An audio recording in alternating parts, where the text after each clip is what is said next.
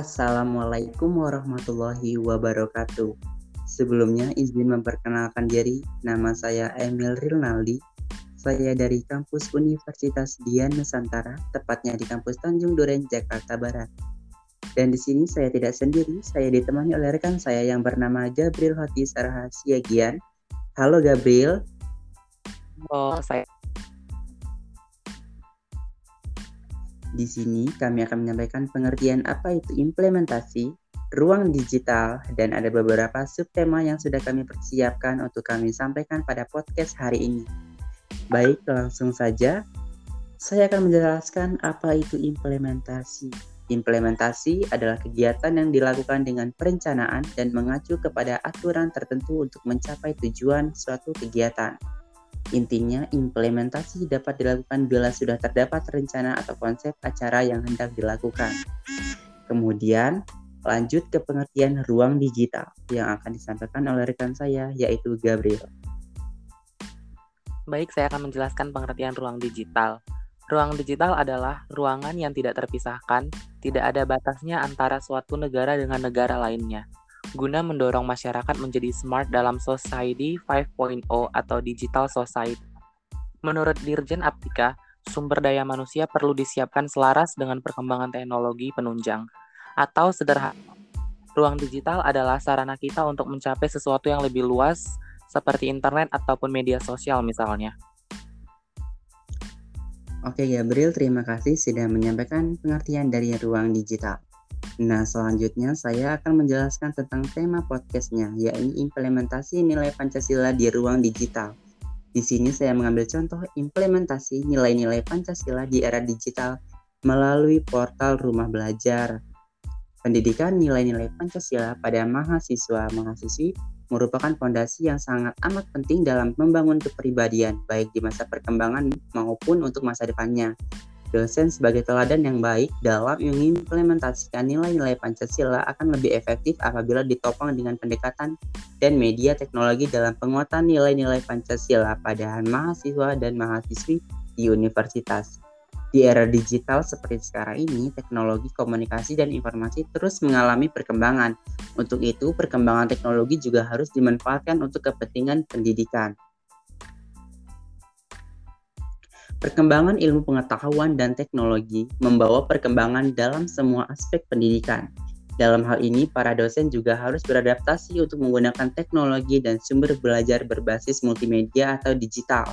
Untuk proses pelajaran, pelajaran salah satunya mengimplementasikan nilai-nilai Pancasila dalam jenjang pendidikan. Rumah, bela rumah belajar berisi konten bahan belajar yang dapat dimanfaatkan oleh dosen dan mahasiswa-mahasiswi yang bisa mengakses portal rumah belajar melalui laptop atau smartphone, baik secara online maupun offline. Penguatan implementasi nilai-nilai Pancasila bisa diakses melalui salah satu fitur di rumah belajar, yaitu sumber belajar di mana sumber belajar memberikan layanan ketersediaan sumber media bahan belajar interaktif yang dilengkapi dengan media pendukung gambar, animasi, video, dan simulasi serta dalam bentuk buku digital yang disajikan secara interaktif. Sehingga materi penguatan nilai-nilai Pancasila disajikan secara in menarik. Nah, di sini saya akan menjelaskan beberapa subtema yang ada di tema podcast hari ini. Yang pertama, yaitu saling menghormati perbedaan kepercayaan di ruang digital, yaitu kita harus saling menguatkan tali persaudaraan melalui toleransi. Karena setiap orang akan menghargai perbedaan budaya yang tersebar di berbagai pulau Indonesia, melahirkan kasih sayang terhadap setiap perbedaan tersebut, hingga akhirnya terpupuk persaudaraan sebangsa dan setanah air, serta terhindar dari perpecahan di setiap kelompok. Menumbuhkan dan menguatkan rasio, rasa nasionalisme. Manfaat toleransi adalah mampu menumbuhkan dan menguatkan rasa nasionalisme seseorang. Hal ini sebab rasa cinta yang tinggi terhadap menyatakan diri bahwa Indonesia yang punya banyak perbedaan budaya yang harus dilestarikan dan melancarkan pembangunan negara melalui toleransi, maka pembangunan negara lebih, lebih cepat maju. karena semua warga negara memiliki perspektif serupa mengenai perbedaan. Kehidupan bernegara menjadi lebih mudah dijalankan melalui musyawarah yang lancar. Nah, yang poin kedua yaitu keadilan di ruang digital yang merupakan salah satu tujuan dasar hukum.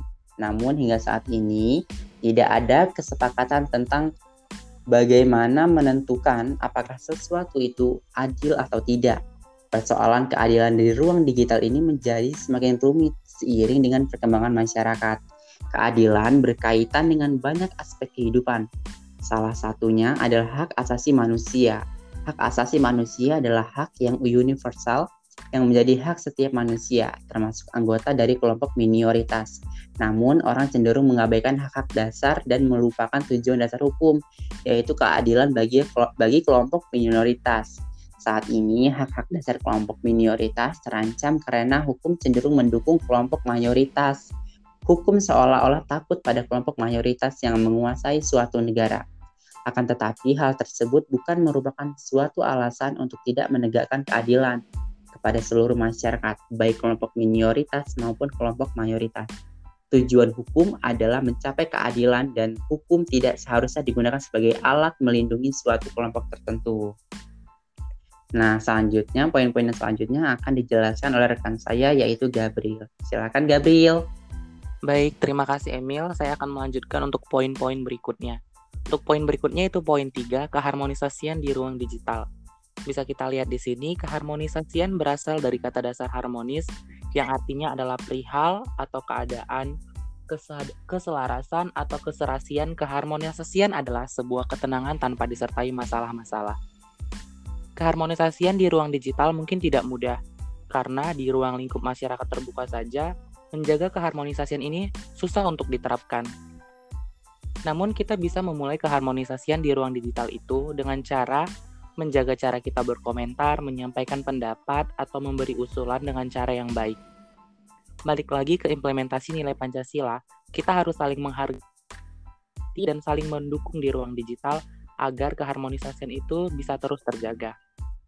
Apa sih kira-kira contoh nyatanya yang sering kita alami agar keharmonisian di ruang digital itu tetap terjaga?